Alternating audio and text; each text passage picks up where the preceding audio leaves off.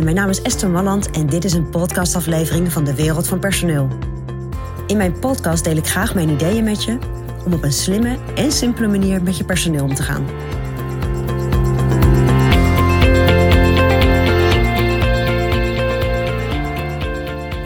Ja, ik wil graag een coachende leider zijn. Dat vind ik belangrijk, dat ik mensen ontwikkel als ze bij mij werken. Dat hoor ik best vaak van ondernemers. Die vinden het fijn om mensen te laten groeien en, uh, en mensen verder te brengen. Maar er zit natuurlijk wel een risico aan. Want het hangt een beetje af wat voor soort bedrijf je hebt en uh, hoeveel tijd je zelf als, uh, als ondernemer of als leidinggevende hebt.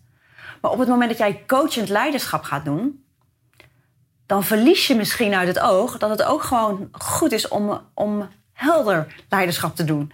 En wat bedoel ik daarmee? Kijk, mensen die heel erg aangesproken, zich aangesproken voelen tot het woord coach, dat zijn over het algemeen de mensen die het ook wat lastig vinden om slecht nieuwsgesprekken te brengen. Of te voeren met hun medewerkers. Dus slecht nieuws te brengen en slecht nieuwsgesprekken te voeren. Zo moet ik het zeggen. Maar op het moment dat jij natuurlijk echt verantwoordelijk bent voor je bedrijf en je wil stappen maken met je bedrijf en je hebt mensen binnen je bedrijf die daar een bijdrage aan moeten leveren, dan kun jij natuurlijk heel fijn coachend bezig zijn. Maar je zult ook heel helder moeten zijn over je verwachtingen en daar goede afspraken over moeten maken. Dus het risico is als jij je focus legt op coaching, is dat je misschien niet helder genoeg bent. En ook niet op het moment dat je echt wat strikter moet zijn en wat duidelijker, strenger moet zijn, dat je dat dan niet bent. Maar er zit nog een ander risico aan. Want op het moment dat jij coachend leiderschap invult, dan ga je ook de tijd nemen om met je medewerkers te zitten, om ze dingen te leren, om ze dingen bij te brengen.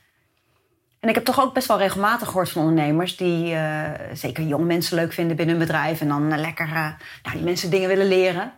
Ja, dan zeer teleurgesteld zijn als zo'n medewerker na anderhalf jaar weer weggaat. Want ja, je hebt er veel tijd aan besteed.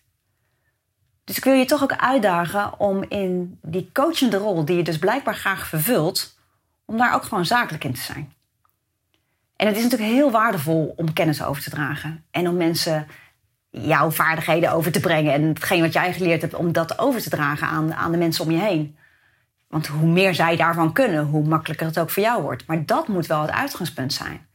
Dat je wel met een bepaalde, ja, met een bepaalde gedachte, zeg maar, je informatie overdraagt.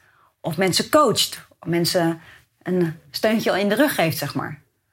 Maar het moet niet zo zijn dat jij heerlijk leegloopt op het coachen van mensen zonder dat je duidelijk bent. Of het coachen van mensen en heel veel informatie deelt. Terwijl je dat misschien achteraf beter had kunnen doseren, omdat iemand snel weggaat. Dus kijk of jouw coaching past.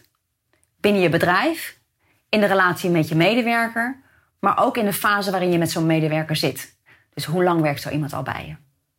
En als je daarover nadenkt, op zijn minst goed over nadenkt, ja, dan wordt het effect groter. En dan ben je naast gewoon een duidelijke leider ook nog een coachende leider. En dan heb je de best of both worlds, zeg maar. Nou, dat is mijn advies vanuit de wereld voor personeel.